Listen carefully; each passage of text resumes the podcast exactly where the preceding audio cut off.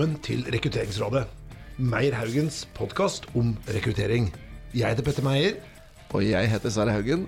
Dette er podkasten hvor vi samler smarte folk for å drøfte hvordan vi kan gjøre rekruttering bedre. Ok. Da tenkte jeg vi skulle komme i gang. Først velkommen så mye til eh, denne samtalen. Tenkte vi skulle begynne først med et spørsmål. Og det spørsmålet er Hvor mange av dere har fått en jobb og begynt i den jobben, og så føler dere kanskje at den jobben var litt oversolgt? Det var ikke riktig så bra som dere trodde? Opp med en hånd. ja, det var færre. Det var nesten færre enn forventet.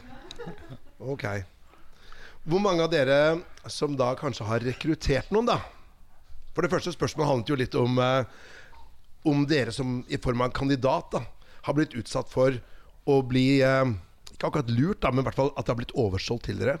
Men hvor mange av dere som har hatt et rekrutteringsansvar, hvor mange av dere har kanskje ubevisst kanskje dratt på litt ekstra og sagt at denne stillingen er kanskje litt bedre enn den egentlig er? Hvor mange har dratt på litt ekstra? Ok. Det var nesten flere hender enn den første. Ok. Temaet for denne podkasten er dette med eh, ærlighet i rekruttering. Og det handler også om dette med eh, feilansettelser. En av de største eh, årsaken til at bedrifter ikke vokser i dag og ikke skaper nok verdier, at de ikke får tak i nok kompetent arbeidskraft, eller at de har ansatt feil personer. Så temaet her er hvordan kan vi redusere feilansettelser i arbeidslivet i dag. Både offentlig og privat sektor. Men først vil jeg bare si at jeg heter Petter Meyer, og jeg jobber i rekrutteringsselskapet Meyer Haugen. Og dette her er en, eh, selvfølgelig en hyggelig samtale her, men i tillegg så tar vi det opp som en podkast, og så slipper vi den senere i dag. Men det er bare for dere å prate og bue og rope og klappe. De er, helt, de er veldig hyggelige. Så vi ønsker den livestemningen. Så det er bare å gi tilbakemeldinger på det. Og først så skal vi da ha en samtale mellom Frode Haaland og Sverre Haugen. Eh, Ca. en halvtimes tid. Og så skal dere slippe til med spørsmål. Avtale. Så hvis dere er noe å lure på, så si ifra. Ok. Jeg kommer til å stå litt inn sånn. Det, er ikke fordi jeg er så veldig sjenert. Det er fordi jeg må, det har litt med lyd å gjøre. Så jeg må liksom stå litt sånn Det kommer de andre til å gjøre også. Men når dere skal stille spørsmål etterpå, så bare si fra til meg, så skal jeg gjenta det. Ok? Um, feilansettelser handler jo både om at man har en arbeidsgiver som kanskje drar litt på, men også en arbeidssøker som kanskje prøver å framstå som mer positiv enn man virkelig er. Så man sier jo ofte at en, et, et intervju da er en samtale mellom to løgnere. Og det er en utfordring. Fordi det kan hende at man ikke får det man egentlig ønsket. Det gjelder begge parter. Så jeg tenkte å bare begynne med deg, eh, Sverre Haugen. Eh, hvordan kan du redusere feilansettelser i norsk arbeidsliv? Ja, og dette er jo spennende tematikk. Først har jeg også lyst til å si så hyggelig å se dere alle sammen. Det er jo så gøy. Vi, jeg, jeg og Petter har spilt inn noen podkaster før, og dette er første gang med publikum. Og det blir jo en helt annen stemning, så det syns jeg er veldig gøy. Men du, Sverre, du, jeg glemte å si, da. Ja. Jeg har jo glemt å si at du også har skrevet en bok. ja. Det er fordi vi er så uh, naturlig beskjedne på egne vegne. Sverre Haugen har skrevet en bok. Den heter 'Jobbsøkerkoden'. Og den, Hva handlet den kjapt om, Sverre? Ja, den er veldig kort fortalt Så handler den om hvordan du skal kommunisere som jobbsøker for å få den jobben du vil ha. For det er mye dårlig kommunikasjon blant jobbsøkere som søker jobb. Bra. Men, og spørsmålet ditt var hvordan Ja. kan vi unngå feilansettelser? Ja. Og det er jo egentlig, Da må vi jo nesten først se liksom, hva er feilansettelser. da Ja. Fordi vi, Jeg jobber jo med rekruttering. Og så har vi med oss en rekrutteringsekspert, Frode, som er jo en superflink fyr. Eh, og fra et rekrutteringsperspektiv så er det kjempefokus på at feilansettelser Det er når jeg tar feil. Når jeg gir deg jobben, og så burde du ikke hatt den. Sånn at jeg har rekruttert feil, og det er vi livredde for, for det er drittvanskelig å bli kvitt folk. ikke sant? Du blir jo aldri kvitt dem igjen. Så derfor er vi rekrutterere sånn paranoide, sånn at hvis vi er i det minste tvil om du skal få jobben, så får du ikke jobben. Er du i tvil, så er det ikke tvil. Det er noe mange som sier det innenfor rekruttering. Men det er bare den ene typen feilansettelser. Den andre typen, det er jo når du er riktig for jobben, og så har du fått den jobben, og så slutter du for tidlig. Og den er jo relatert til om man er ærlig i rekruttering, og der er det mye gærent som skjer, da, for det er det verste som finnes. Jeg har brukt masse tid på å rekruttere deg, og så slutter du etterpå. før jeg liksom egentlig får begynne å dra nytte av det. Så viktig å definere liksom forskjellen på de to, da, tenker jeg. Ja, Men vi har med også Frode Haaland. Og nå skal jeg Han har også skrevet en bok, blant annet denne her. Og det, det som er litt morsomt, er at jeg kjenner jo Frode Haaland fra ganske langt tilbake. Jeg var en sånn ung student, eh, visste alt selvfølgelig. Jeg var et par og 20 år. Hadde søkt på studie, studiet organisasjon og ledelse i Halden. Det var 94-95. Og da var Frode Haaland var da sjef for det studiet. Og den beste foreleseren jeg noen gang har hatt. Og så har vi hatt litt sånn Ja, det, det fortjener en applaus. Og det som var så veldig bra med Frode, det var at han hadde en god miks mellom teori og praksis. da Og, og, og veldig lyttende egenskaper. I motsetning til det kanskje jeg har. Men så har vi hatt litt sånn on and off-kontakt. da Og det er jo eneste læreren jeg har hatt kontakt med videre. Og så sier jeg at han har skrevet da en fantastisk bok om rekruttering. Og den heter 'Å knytte bånd'. Og det jeg syns er spesielt bra med den boken, det er ikke det tekniske perspektivet. Ofte er det sånn testing og det juridiske. Selvfølgelig, det er vel og bra. Men her er det den sosiale kontrakten. Det at du gir tillit og får tillit. Så boken heter 'Rekruttering, utvelgelse og innfasing av nyansatte'. Så, Frode. Det var introen til deg. Men kan ikke du bare fortelle at eh, Hva er ærlighet i rekruttering? For det er jo temaet her. Ja, ærlighet er jo et grunnleggende problem. For at, eh, som mennesker så forventer vi jo ærlighet. Men eh, siden vi, vi skal, skal Jeg skal vinne en jobb og du skal vinne en ansatt. Ja, nå bare For de som lytter på det her, da, så er det plutselig en sånn der, eh, en sånn lerret som plutselig kommer ned. Og alt er planlagt for å skape litt sånn engasjement i salen. Så alt er tenkt på. Den minste detalj. Da går det rett opp igjen. Ja, ja. Ok, Frode. Ærlighet i rekruttering. Hva er ærlighet? Hvis jeg som arbeidsgiver skal velge blant søkerne, så må jeg jo forvente at den informasjonen jeg får, den er sann, den er ærlig. Og som jobbsøker så må jeg forvente at det jeg får høre fra arbeidsgiver, er sant. Eh, ellers så velger jeg jo feil. Og Da kommer vi inn i en annen variant av eh, den andre varianten av eh, feilansettelser, nemlig at eh, jobbsøkeren velger feil. Og eh, så I forskningen så har vi et begrep som heter 'realistic job preview'. Og Det er liksom eh, tanken om at det er mulig å være mer ærlig og eh, skape eh, bedre sosiale relasjoner, og dermed òg oppnå f.eks. lavere frafall fra eh, tidlig turnover. Eh, bedre jobbtilfredshet, bedre relasjoner osv. Så, videre. så det er liksom tanken med at en realistic job preview eh, innebærer at du får ikke bare vite at det er et vegansk alternativ til kantine. Det, som, det, kan være viktig hvis du er veganer, men for alle andre er ikke det viktig. Det, men det som er viktig, det er når får jeg eh, kompetanseutvikling? Hva slags leder er det jeg skal jobbe under? Det er de viktige tingene. Så Vi får ofte høre alle de hyggelige, greie, snille tingene, men det vi ikke får høre, er det som faktisk er av betydning for mine valg. Ja. Uh, dette med realistic job preview Det er jo en ting som står mye om denne boken. Og det er en ting som, som jeg syns var veldig spennende å lese. Uh, kan ikke du bare fortelle om Hva er historikken bak akkurat det begrepet? Men for, for den ærlighet, var liksom God gammeldags ærlighet. Hva er det som har skjedd med det, da? Men Hvorfor må man ha et sånn eget sånn amerikansk sånn fancy begrep på det? Nei, altså, de, fleste fancy begrepene kommer jo nettopp fra, fra, utlandet. Og jeg bruker heller begrepet 'å knytte bånd'.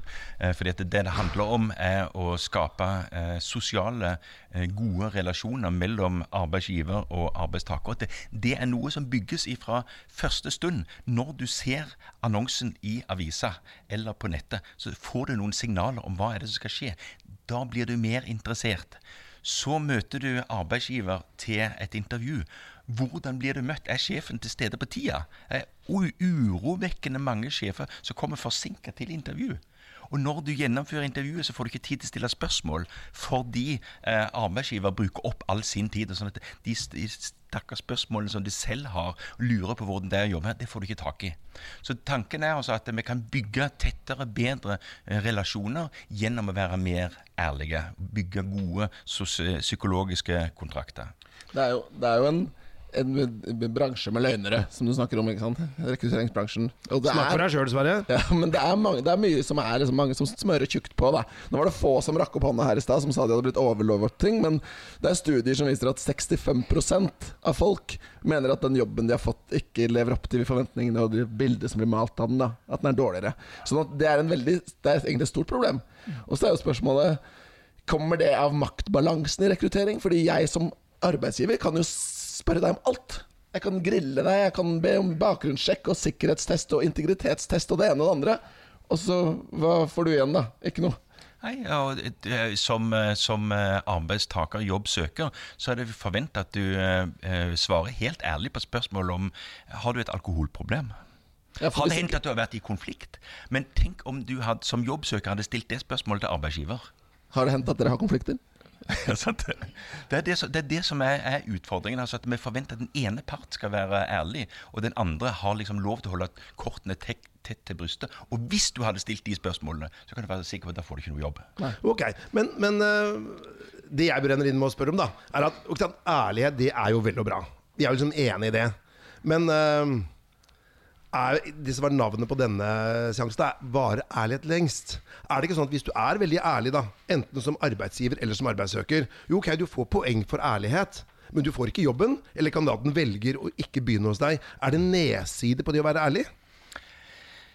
Det er et veldig veldig vanskelig spørsmål. Det er jo samme spørsmål egentlig. Er det, skal du være ærlig i eh, familielivet? Skal du fortelle om alt det du har gjort? Eh, det, ting kommer for en dag. Altså Hvis det er, noe, hvis det er en dårlig sjef og Husk på at én av to sjefer er dårlig, sier statistikken. Én av to. Uh, og så vil jo da Det har ingenting med dere å gjøre. Altså. Nei, det er å gjøre. Det er de andre vi prater om nå. Vi kan, Vi kan dele salen på midten her. jeg, sånn. Eh, Det dårlige ved jobben det kommer jo fra en dag senest første arbeidsdag. Sånn at du kan ikke skjule ting. Men, men svaret er jo egentlig bare at vi må være mer ærlige. Det er den eneste måten, og det, det mener i hvert fall jeg veldig sterkt. At man må tørre å være litt mer ærlig i Ok, men Jeg skal utfordre litt på det, da. Men la oss si at uh, her sitter jo folk da som jobber med ansettelser. Og, og både folk som da kanskje har st- stor suksess på arbeidsmarkedet, og på en måte er lett å få tak i folk. Men i hvert fall, det er jo ganske kandidatstramt marked. da, Det merker vi i hvert fall uh, ja, i hvert fall i Oslo, i bransjen vi jobber med. At det er, det er mange ledige jobber å få gode kandidater. Men la oss si at hvis du skal skrive en jobbannonse, da, en nettannonse f.eks. Hvor ærlig skal du være der, da? Skal du da, for, eksempel, for i alle bedrifter er det jo et eller annet. Det er som i alle familier, så er det jo alltid et eller annet. Og det er sånn her, Jeg leste sånn at alle, i alle familier så er det en eller annen raring. Og vet du ikke hvem den raringen er, så er det deg. og det samme er det på jobb. På jobb er jo alle en eller annen raring. Og hvis du ikke vet den raringen er på jobb Men anyway, så er tankegangen i den selve annonsen, da. Hvor ærlig skal du da være i annonsen? Skal du skrive at man har sviktende ordretilgang, eller at at sjefen har nettopp et alkoholproblem? Eller skal du si at, at, eh, at her er det veldig lenge mellom kursene, eller folk slutter en masse? Skal du skrive det i en annonse? Jeg tenker jo alltid at vi må prøve å bygge arbeidslivet så godt som overhodet mulig. Det må vi ta ansvar for. Og så blir det neste spørsmål eh, jeg eh, progressivt økende og mer nøyaktig informasjonstilgang. Det er noe vi sier i en annonse, og så er det noe som vi sier i intervju til alle, og så er det noe som vi må informere kandidatene om. Og så er det noe kanskje på toppen av det som vi kan informere sluttkandidaten om. Altså, nå skal vi gå gjennom kontrakten, dette er liksom din lønn, og husk på, her, vi har snakk om følgende problemer. Så jeg tenker liksom progressivt økende ærlighet, men må jo ikke si noe som er usant uansett. Men, men, men det er viktig å de definere forskjeller her, da, fordi det er ganske stor forskjell på om du skal ha tak i en Java-utvikler eller en systemarkitekt, eller en annen ekstremt vanskelig kompetanse som er veldig langt mellom, og du må jobbe og kontakte 200-300 mennesker for å få én i dialog. Versus når du søker, legger ut en stilling og får 200 søkere, da, så skal du bare sifte ut én. Det, der er det vesensforskjell.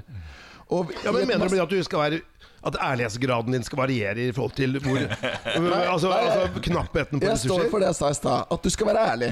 Fordi hvis ikke du gjør det, så skyter du deg selv i foten. Altså, Men, men du skal ikke være dum.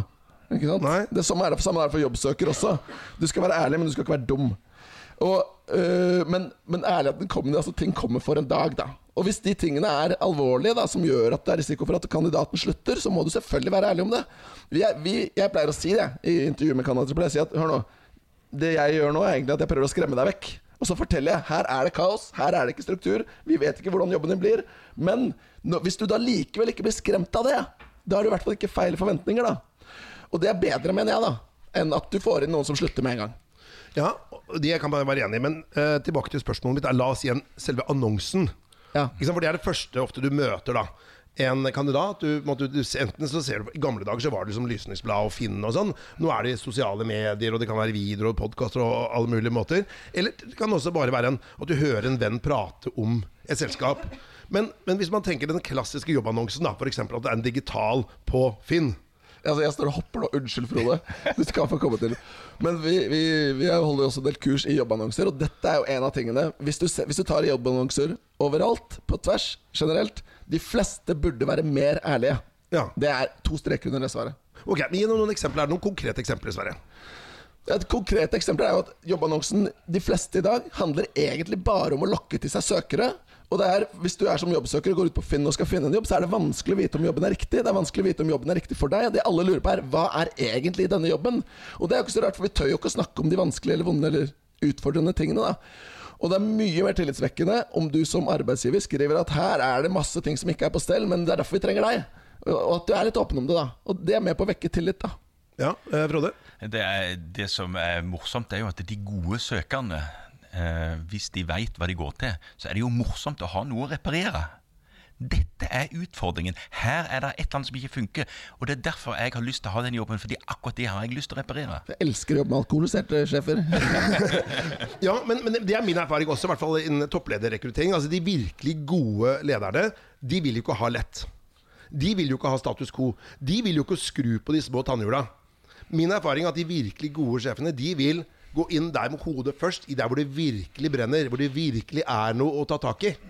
Og da kan man jo helt greit si det, da. Men det tror jeg på en måte er kanskje litt forskjell på la oss si, topplederrekruttering. Hvis du skal ha en turnaround på en stor børsnotert bedrift, hvor, det er, altså, hvor aksjekursen har gått veldig ned, og folk rømmer, og, og kundene rømmer, da er det jo veldig, veldig ærlig å si at sånn er situasjonen. Jeg trenger noen som kan gjøre akkurat den jobben. For hvis du sier at du skal ha en person som skal bare flikke litt på status quo, så blir jo helt feil. Men la oss si at du skal ha en, en, en jobber i offentlig sektor, da, og du skal ha en person som skal jobbe enten i en barnehage eller en lærer eller et eller annet. Og, og så sier du at her er det sykefravær er sånn 20% Skal du si det eh, gjennom balanse?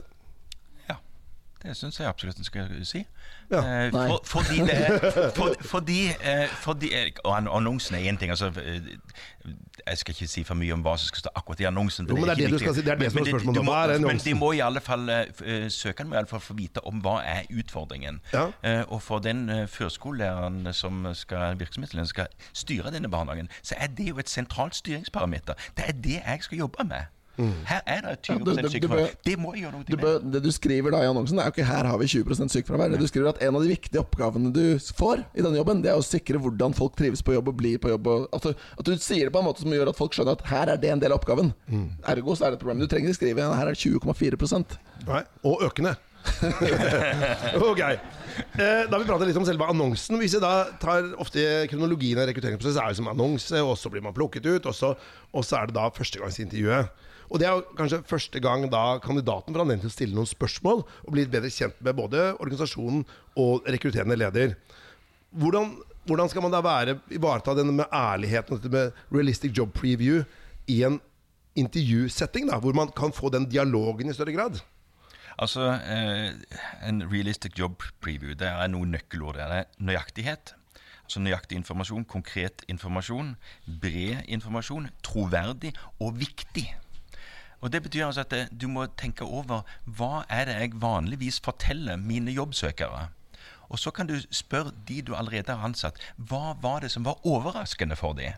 Hva var det som liksom kom Jøss, er det sånn det var her? Da har du begynt å se på noe om hva er det jeg har fortalt, og hvordan har det blitt mottatt? For det du sier, blir alltid oppfatta på en annen måte eh, av, eh, av jobbsøkerne. De legger ikke merke til noe, så er det noe de legger merke til. Men, men la oss si at hvis du er veldig ærlig, da. Ikke sant? Vi prater om, om uh, ting som ikke er så bra i bedriften. Altså, du prater jo om det som er bra, og kjære venn, nå blir du nesten sånn negativ fokus her, da. Men, men, men i tillegg til det som er bra, så sier man også ting som er ærlig, da. Og så sier kandidaten jøss. Dette visste jeg ikke om på forhånd. For du nevnte jo det at du skal ha en, hva skal vi si, en, en, en trappetrinn. At liksom I en annonse så er man Hva skal jeg si Du skal aldri ljuge, da, men du bør ikke kanskje komme med all informasjon. Men så du, løfter du letter litt på sløret da i et intervju. Og da sier kandidaten ja, men du, dette visste jeg ikke. Dette er ikke, dette er ikke jeg interessert i. Og omtrent reiser seg og går i intervjuet. Det er en dårlig start. Det er en litt uh, dårlig start. Men det er jo helt og- greit. Og ja, det, det som er poenget, altså En av effektene av realistic job preview er jo at uh, du får uh, et frafall.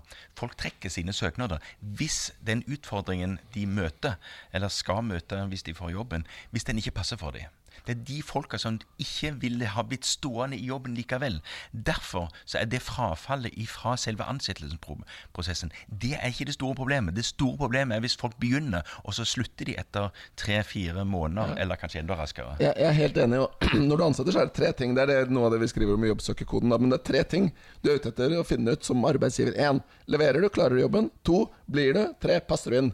Hvis den kandidaten Når du sier passer inn, så er det det øh, kulturelle. støtter opp om kulturen. Ja. Når, når den kandidaten da sier 'vet du hva, dette er ikke for meg', så reiser jeg meg, så hjelper han deg med å selektere vekk den kandidaten. da Så det er bare fint. Tipp topp. Ja. Så ikke vær redd for å dra litt på. Ok. Eh, hvis man tar neste steg, da. Eh, vi har pratet om dette her med, med realistic job preview. Men så er dette med den psykologiske kontrakten, eh, Frode. Det skriver du jo mye om i boka di. Kan ikke du fortelle liksom, Hva er forskjellen på den psykologiske kontrakten og den juridiske kontrakten? Og alle, det er jo mye kontrakter her. Arbeidsgiver er veldig opptatt av den juridiske kontrakten. Du Skal skrive under en kontrakt. Sånn og sånn er arbeidstida, og slik er lønna osv. Men samtidig som du forhandler eh, om du skal få stillingen eller ikke, så begynner vi å føle hverandre på tennene. Vi begynner å forstå hva er det jeg kommer til å få, hvordan er denne sjefen. Altså, Vi begynner å inngå noen forventninger om er det, hvordan er det denne personen skal oppføre seg, og hvordan er det å jobbe dette stedet. Det handler altså om forventninger. Det er den psykologiske kontrakten. Hva er det jeg skal levere, og hva er det jeg får tilbake? Det arbeidstakerne jo forventer, eller jobbsøkerne forventer, det er jo en god jobb, og en god sjef og gode kollegaer og en lykkelig framtid. Hvis du leverer på det, så er kontrakten innfridd. Ja. Altså, eh, det er jeg, jeg gjør masse rekrutteringer. De rekrutteringene som funker bra, da har man vært såpass åpen og ærlig underveis at man, når kontrakten kommer til, til kandidaten, så har de egentlig bestemt seg. Det er bare snakk om er lønna riktig og alt sånt noe. Det er ikke noen flere store spørsmål igjen. Det jobber vi veldig aktivt med å avklare underveis i prosessene. Fordi hvis det da blir sånn at man skal holde korta så tett i brystet hele veien at ja, kanskje jeg skal gi det tilbud, vet ikke helt, og så får du det, så skal du knuge på det på med ekstra tid, og så ble jeg usikker på begynner å forhandle om lønn hos egen arbeidsgiver, eller dette her, denne, jeg er helt enig i denne psykologiske kontrakten. Den skal du ha landa på forhånd. Så alle sammen da, som rekrutterer, før dere sender ut et jobbtilbud, avklar alle disse tinga. Sikre at alt av spørsmål er avklart. Og så kan du sende tilbudet. Sånn at det bare er egentlig bare Er lønna grei? Er god nok? Eller Men, men det vi har pratet om nå, da, det er jo ut fra en arbeidsgivers ståsted. Ikke sant At arbeidsgiveren skal være åpen og ærlig. Men man er jo avhengig av at kandidaten også er åpen og ærlig. For la oss si at hvis man da sier at ok, dette er feil og mangler ved jobben, sånn er det, dette er, dette er øh, hva du får. Men så kandidaten vil jo da øh, kanskje si at jeg er mye bedre på ledelse, eller jeg er mye bedre på økonomi, eller er, he, ja, jobber døgnet rundt og står opp klokka seks og er på jobben halv sju. Og, altså, hvordan kan vi sikre oss at de er like ærlige, da? Ja, det er et veldig vanskelig spørsmål. fordi at eh, På samme måten som arbeidsgiver eh, eh, forsøker å sukre eh, jobben, så vil jo selvsagt vi som jobbsøkere òg sukre oss sjøl og framstille oss som bedre. Og vi vet jo òg at eh, vi kan skryte av at ja, jeg har tysk. Ja, det er mister bra tysk, men kommer det tysk inn fra telefonrøret på mandag morgen, så kan du være sikker på at du klarer ikke svare. Altså, Vi lyger på oss en del sånne ting. og sånn, Vi må bare alle sammen som arbeidsgiver erkjenne at jobbsøkerne, de lyver. De fleste løgnene er ikke viktige, men det er òg viktige løgner som dukker opp. Derfor er, eh, Dette handler ikke bare om å være hyggelig og grei og bygge tillit. Det handler òg om at vi må følge opp på den tilliten. Så Kontroll av papirer f.eks. vil jeg tenke være en sånn helt naturlig del av en, en prosess. Og arbeidstakerne syns ikke det er så kult, men det er òg noe som arbeidssøkerne må tenke på. at eh, hvis jeg skal få denne jobben, så har arbeidsgiver behov for å ivareta sine interesser.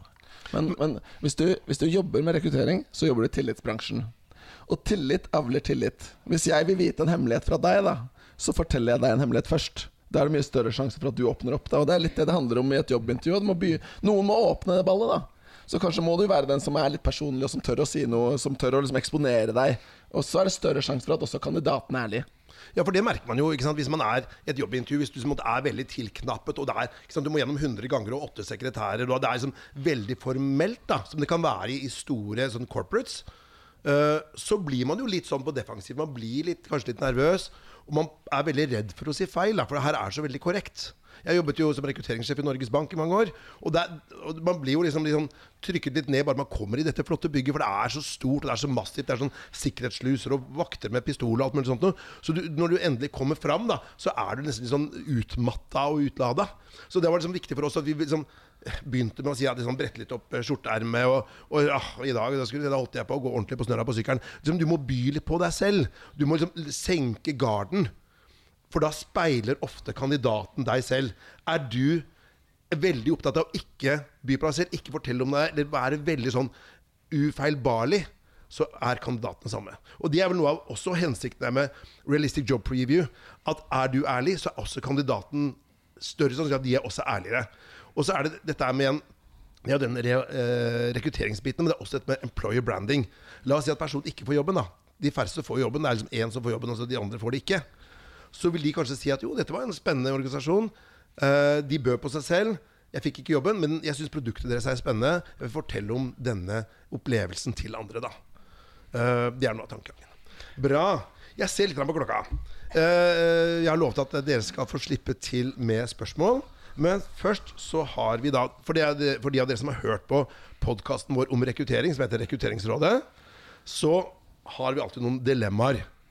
Og for de som ikke har hørt på podkasten vår, så finner dere både på Spotify, på, gå på Meierhaugen der, og så kan dere gå på iTunes. Ja, Podkastrappen. Ja, Ja. stemmer. Bare søk opp Meierhaugen, så finner dere der. Men igjen, tilbake til disse uh, dilemmaene. Dilemmaer er så fine, for det krever at du må svare ja eller nei. Det er binært. Så uh, jeg skal ta et eksempel jeg hadde fra min egen rekrutteringserfaring. Det var en tipp topp kandidat. Liksom, alt var veldig, veldig bra. Beste skole, framsto perfekt på intervjuer. Og jeg tenkte nå har jeg virkelig funnet drømmekandidaten. Skulle bli administrerende direktør i et børsnotert selskap. Det er noen år siden dette her, da. Og så tar jeg en sosiale mediesjekk. Jeg tar liksom Mario og googler navnet. Og så finner jeg ut at denne personen er, sitter i ledelsen i UFO Norge. Ja vel, tenker jeg. Det er eh, greit. Og så historien eh, Jeg skal fortelle litt videre hvordan dette her gikk, da. Men eh, hvis dere Det kan dere tenke på også, både dere som lytter på, og dere i salen. Hva hadde dere gjort hvis dere skulle ansette en person som var helt tipp topp alle vis? Og du hadde ikke så mange andre tipp topp-kandidater. Så får du vite personen er medlem i UFO Norge, og da sannsynligvis tror på ufoer. Hva, Frode, hvis du skulle ha rekruttert noen til uh, Høgskolen i Østfold, hva, og det var en person som var medlem i UFO Norge, yay or nay? Jeg, eh, jeg hadde håpet at du skulle stille eh, arbeidsgiver eller organisasjonen åpen, for da kunne jeg si at, at til min arbeidsgiver så ville jeg ikke ha valgt det. Men kanskje til en annen type arbeidsgiver så ville det å være medlem av UFO Norge være irrelevant. Ja. Men til en stilling innenfor akademia så må du forvente at folk faktisk følger normal vitenskapelig tenkning, kritisk tenkning, og da ville det være uforenlig med UFO, UFO Norge. Ja. Sverre? Ja, Det blir jo litt kjedelig svar, men det kommer an på jobben, da. Så Ja. du må gi meg en jobb å putte det opp mot, så skal jeg svare. Ja, ok, men la oss si at jeg hadde fått jobb hos oss, da, i Meierhaugen. Ja, det, Jeg burde jo sett den komme, selvfølgelig. Eh, jeg, det, intuitivt så holdt jeg på å svare Ja, men det kunne Ja, men han kunne fått jobb som ufo. Men det er klart, igjen da, ref ærlighet sånn, så hadde vi kanskje tatt en prat om det, da. At det er ikke noe man trenger å flagge ut i alle settinger. Ja vel. Ja, eh, Det er jo ganske uskyldig, da. Ufo Norge. ja, liksom. ja, altså jeg opplevde denne her eh, den, case, den casen her for noen år siden. Og så, så spurte jeg kandidaten her på angangsintervju Du, eh, ja, jeg eh, ser du er medlem av UFO Norge. Ja ja, det var ikke noe hemmelighet, det. Eh, ja, har du, tror du på ufoer, da? Ja ja, selvfølgelig. Har du sett ufoer, da? Ja ja, mange ganger. og, og der kunne jo historien ha endt. Og, og så, men det var en veldig bra kandidat. Og liksom, alt annet funka da. Og så, men så må jeg si fra til styreformannen at uh, Du, jeg har en veldig bra kandidat. uh, og så forteller jeg historien. Og så sier han ja, men det er ikke noe problem, for jeg tror på ufoer, jeg også. og det som er litt artig, er at jeg uh, leser jo Finansavisen og Dagens Næringsliv, så ser jeg disse to personene Uh, jeg skal være diskré på hvem de er, men jeg ser jo disse personene av og til, og de gjør det strålende. Er de, er de involvert i rentesetting av noe slag? Sånn. Eh, ja, jeg, jeg kan ikke si noe mer om det. Ok, så det var ufo. Eh, la oss eh, gå opp et lite knepp, da. Samme situasjon, tipp topp kandidat. Eh, men personen er leder for Flat Earth Norway. De tror altså jorda er paddeflat. Ja, hva sier du da, Frode Haaland? Hvis du ryker ut på ufo, da ryker du kanskje ut på dette òg? Ja, Da ryker du i alle fall på i alle fall, eh, Jeg tror, jeg tror da ryker du til Meyer Haugen òg. Ja, da, til hos oss ryker du ut, da. Ja. Ok, Til og med der. nettopp. Ok. Uh, igjen dette med ærlighet, da. Siste dilemma. La oss si at uh, du er da rekrutteringssjef i en bedrift, og så har du en person som er helt tipp topp, selvfølgelig. Og så sier øh, hun at grunnen til at hun sluttet i den forrige jobben, det var pga. en metoo-sak. Og så vet du at du i din egen bedrift, din egen leder, har en liten metoo-sak gående med HR. Hva gjør du da? Hvor ærlig er du da? Sverre Haugen. Ja, om, du, om jeg da hadde sagt til denne jobbsøkeren at Ja, du vet hvor ærlig er du da? har- At her er det liksom Vi har svinn på skogen, vi òg. Dette er ikke Meyer Haugen, nå er det en helt annen. Det, altså. Det er veldig viktig å presisere. Ja, ja. Det er ikke Eh, altså Jeg har en kandidat som skal ha jobb, og så vet jeg at lederen denne kandidaten skal få, er i en metoo-sak, eller Ja, din leder, jeg vet ikke noe resultat din, av den din saken. leder, for eksempel, liksom, lederen over deg, er en metoo-sak med HR. Og så vet du at den personen akkurat kommer har sluttet i en bedrift fordi han hadde vært borti en sånn episode. Ja. Vil du da Ja. informere om det? Jeg- det, det, det er sånn det blir Jeg tror kanskje at jeg hadde klassifisert Altså Nå unnviker jeg spørsmålet, da, men klassifisert personen som feil. da Uh, At ikke jeg hadde tatt inn vedkommende, men da for å beskytte vedkommende, kanskje. Ja, men det er litt dumt da Hvis du har blitt utsatt for dette, så skal du som bli straffet i din neste prosess. Ja, er det ok? Det er et jævla godt poeng, egentlig. Ja, Ok, Frode? Jeg ville ha tatt det opp. Ja. Han sier at vi har en eh, metoo-sak gående her òg. Ja. Det er en utfordring for oss. Eh, vi skal jo ikke foregripe noen eh, resultater, for det, eh, det er jo en granskningsprosess. Ja. Eh, men det, det må du tenke på. Ja. Uansett. Vi vet jo ikke om vedkommende blir stående i jobben eller blir borte, eller Nei, nei. hva som skjer, men du må ta stilling til er dette riktig for deg. Kan jeg bytte det jeg sa? Jeg vil si det han sa i stedet. Ok, Det som er fordelen med vi, vi, tar og, vi tar og klipper vekk det på podkasten, og så svarer Sverre noe helt annet. Bare, bare så dere er klar over det. Ok.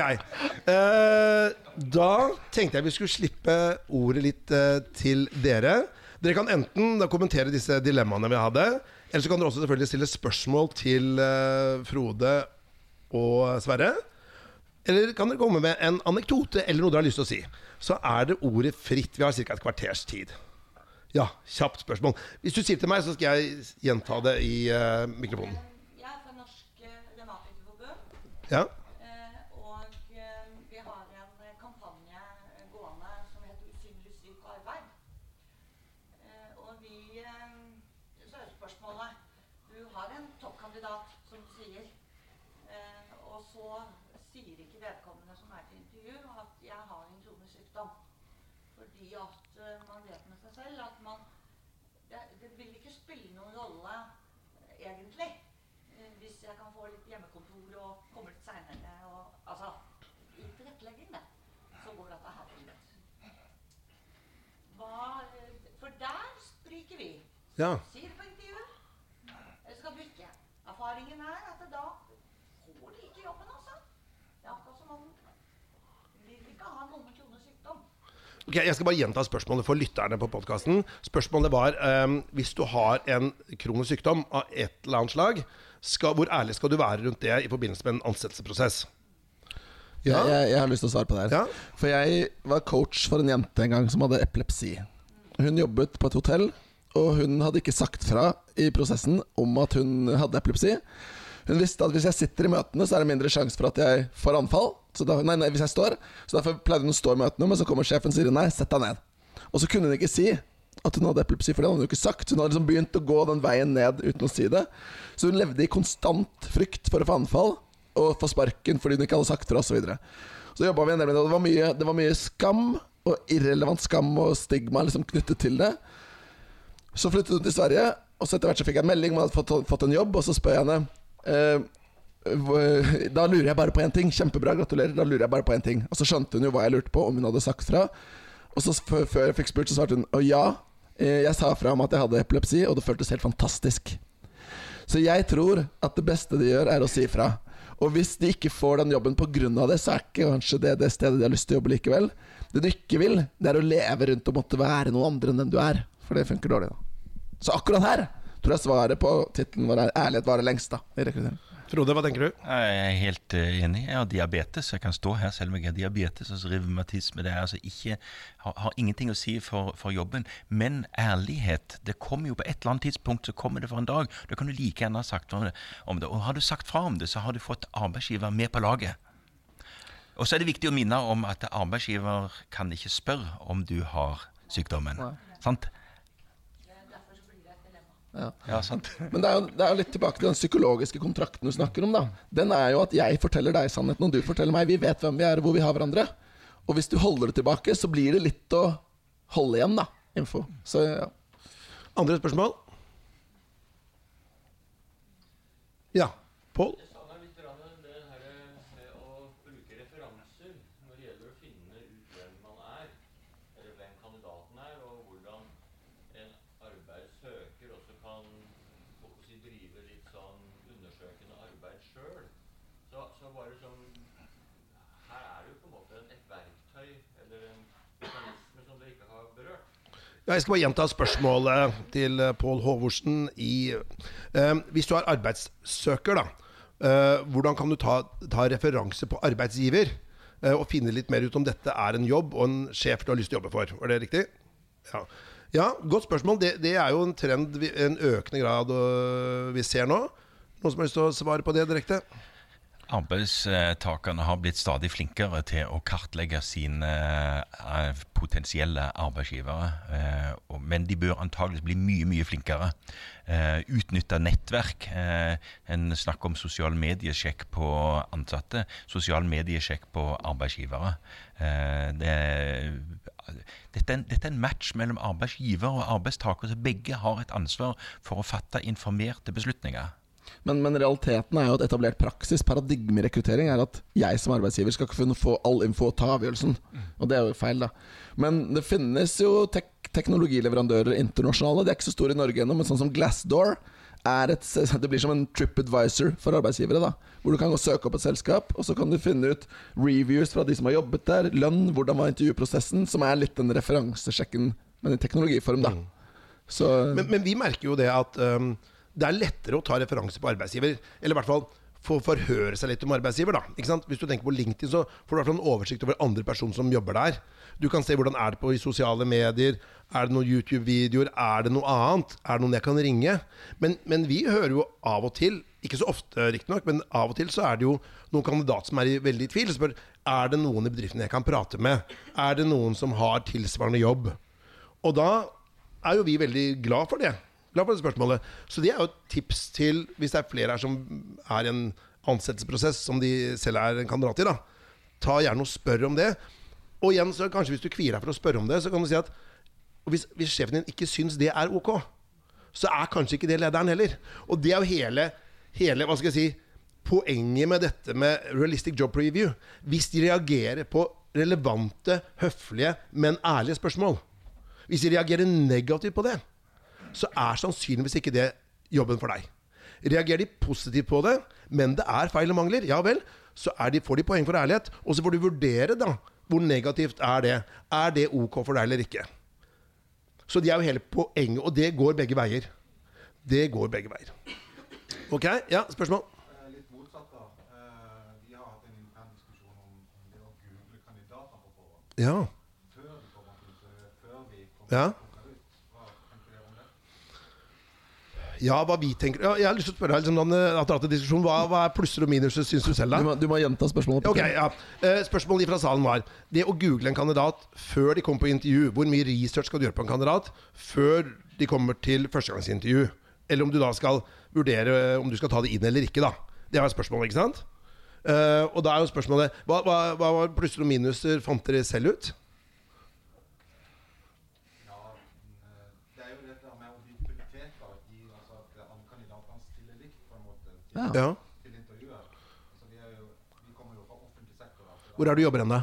det Vennesla kommune. Vennesla kommune. ja. Ok, fint. Eh, og da har vi jo kanskje litt andre krav enn privatmarkedet da, i forhold til dette med kvalifikasjon og, de tingene der. Men, men eh, du blir påvirka som intervjuer da, hvis du har googla litt på forhånd, eh, selv om du kaller det inn da også.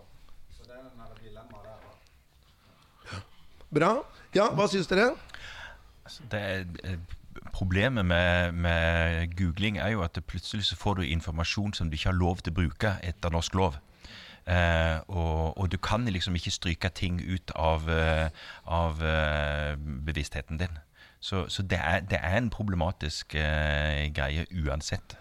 Ja, først har jeg lyst til å gi et kompliment for rekrutteringsmetodikk fra et seleksjonsperspektiv. For det er helt riktig som du sier, hvis du har ulike datakilder på ulike kandidater, så vil du kunne få feilvurderinger pga. det.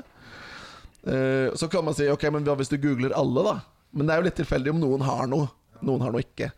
Så eh, det er et veldig relevant spørsmål. Jeg tror ikke det er uvanlig å gjøre det likevel, men da er det nok kanskje mer for å se om det er noe ting du burde vite om, som, eh, som dukker opp, da. Jeg ville i hvert fall sagt at å google kandidaten er et minimum av det man bør gjøre. Om du skal gjøre det før eller etter, det finner du ut av hva som er praktisk. Men jeg mener det at det var der jeg fant ut dette med ufo. Uh, uh, og så kan man si er det relevant eller ikke, men det mener jeg er minimum av bakgrunnssjekk du bør gjøre på en person, er å google. Jeg har vært borti personer som jeg har googlet, og plutselig er det mange avisartikler som ikke er så veldig positive. Som selvfølgelig ikke noen referanse vil oppgi, selvfølgelig ikke står i noe CV eller noen attester, men det ligger der ute. Og så si at så må du igjen vurdere, da. Er dette relevant? La oss si at det er en person som har hatt en sånn en ekteskapskrangel eller kjørt båt i fylla eller sånt ikke sant? I noen jobber så er ikke det relevant. I noen jobber så er det relevant. Og det må du som rekrutterer vurdere. Men jeg er vel sånn at å google en person, det gjør jeg på alle mine kandidater.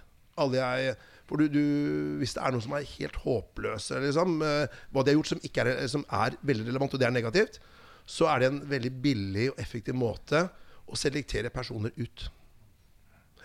Andre spørsmål? Vi rekker ett spørsmål til før vi runder av. Hvis ikke, så vil jeg bare ønske dere Ja, hadde du noe sånn Ja, closing noe jeg skulle si, for dette, eh, nå har vi en podkast. Ja. Eh, og eh, hvis vi snakker om realistic job preview, hvordan i all verden kan jeg som jobbsøker vite noe om et selskap som jeg søker jobb i? Eh, Meyer Haugen er jo det er morsomt å treffe igjen sånn tidligere student. eh, Meyer Haugen har jo da altså funnet ut at vi lager podkastintervjuer med direktøren for å fortelle om hvordan er denne selskapet. Det er en måte, relativt enkel og billig måte å få ut informasjon som eh, søkerne ellers vanskelig kan få tak i. Så all honnør til dere for at dere lager podkast. Nå har vi vært her og hatt en podkast ja.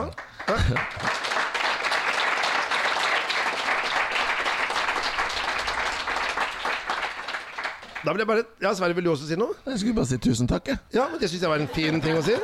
Jeg vil bare si takk til dere også. Og så har vi da et uh, annet arrangement som begynner nå klokken ett. Det er, og det er i dette rommet her. Og det er hvordan bruke teknologi i rekruttering. Det blir en paneldebatt eh, med disse to og noen flere personer. Så eh, heng gjerne her videre, eller finn på noe annet eh, morsomt å gjøre. Og kos dere i Arendal. Veldig hyggelig å se dere.